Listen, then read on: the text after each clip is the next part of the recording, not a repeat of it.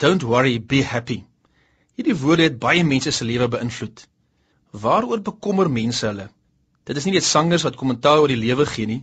Die Bybel praat in Lukas 12 vers 22 tot 34 oor die sorges van die lewe.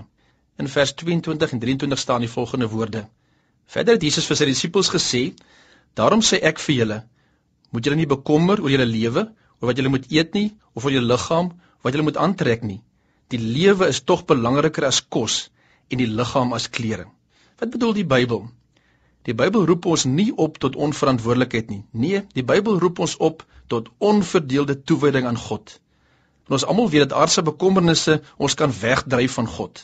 Lukas gebruik 3 argumente om mense te ooreed om nie bekommerd te wees nie.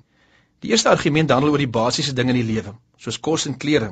Die mense met wie Lukas gepraat was, arme mense, nie die ryk mense van daardie tyd nie. En dan nadat Lukas dit gesê het, sê hy vir hulle: "Maak julle oë oop en kyk. Kyk na die kraaie of wilde voëls. God sorg vir hulle. Kyk na die lelies van die veld. Hulle is mooier as enige model aangetrek.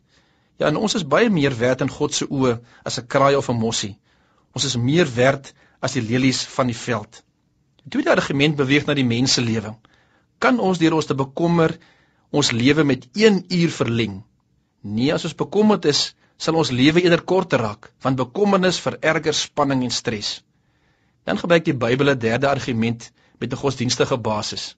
Ja, die bekommernis is nie dwaas en onnodig nie.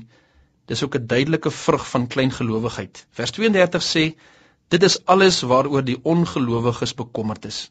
In Lukas 10 vers 31 staan die hoogtepunt van hierdie gedeelte. Beywer julle vir sy koninkryk, dan sal hy julle ook hierdie dinge gee. Hier staan nie as jy lus het of as jy die dag so voel nie. Hier staan baie duidelik: beywer julle. Jesus se resep is nie 'n niks doen resep nie. Ons moet ons hele lewe inspann om God se wil te doen. Dit gaan nie sommer van self kom nie. Ons moet daaraan werk. Hoe soek ons die koninkryk van God? Dit is nie iets wat mens een keer doen nie. Dit begin by 'n doelbewuste keuse vir God. Maar dis nie wat dit ophou nie. Dit is 'n daaglikse lewe saam met God. Die tweede gedeelte van vers 31 sê dan sal hy julle ook hierdie dinge gee. Wat beteken dit? Beteken dit dat Christene altyd genoeg materiële besittings sal hê of selfs ryk sal wees? Ja, daar is 'n paar vrae in my hart wat Lukas 12 nie beantwoord nie. Maar miskien moet ons na die antwoorde kyk wat die Bybel wel gee. Die eerste ding wat ons vir mekaar kan sê is dat die koninkryk van God ons help om ons bekommernisse beter te kan hanteer. Hoekom? Omdat Christene nie so behep is met aardse besittings nie. God maak ons hiervan vry. Die tweede ding is dat mense wat die koninkryk van God soek, meer dankbaar is en met minder tevrede is. Elke dag se kos en klere kom nie van self nie. Dit kom nie van my salaris of my harde werk nie. Dit kom van God af. Ons sal dankbaar wees vir elke stukkie droë brood en elke val rokkie, nie net vir die stytjie en ontwerpersklere nie.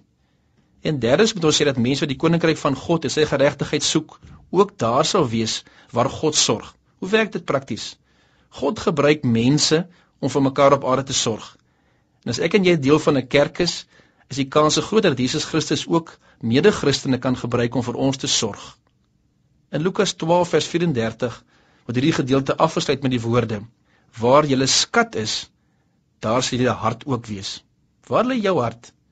Lê jou hart by God of lê jou hart in jou beursie? God se koninkryk is baie ryker as enigiets anders. Kom ons bid saam. Here, baie dankie dat ek my bekommernisse vir U kan gee.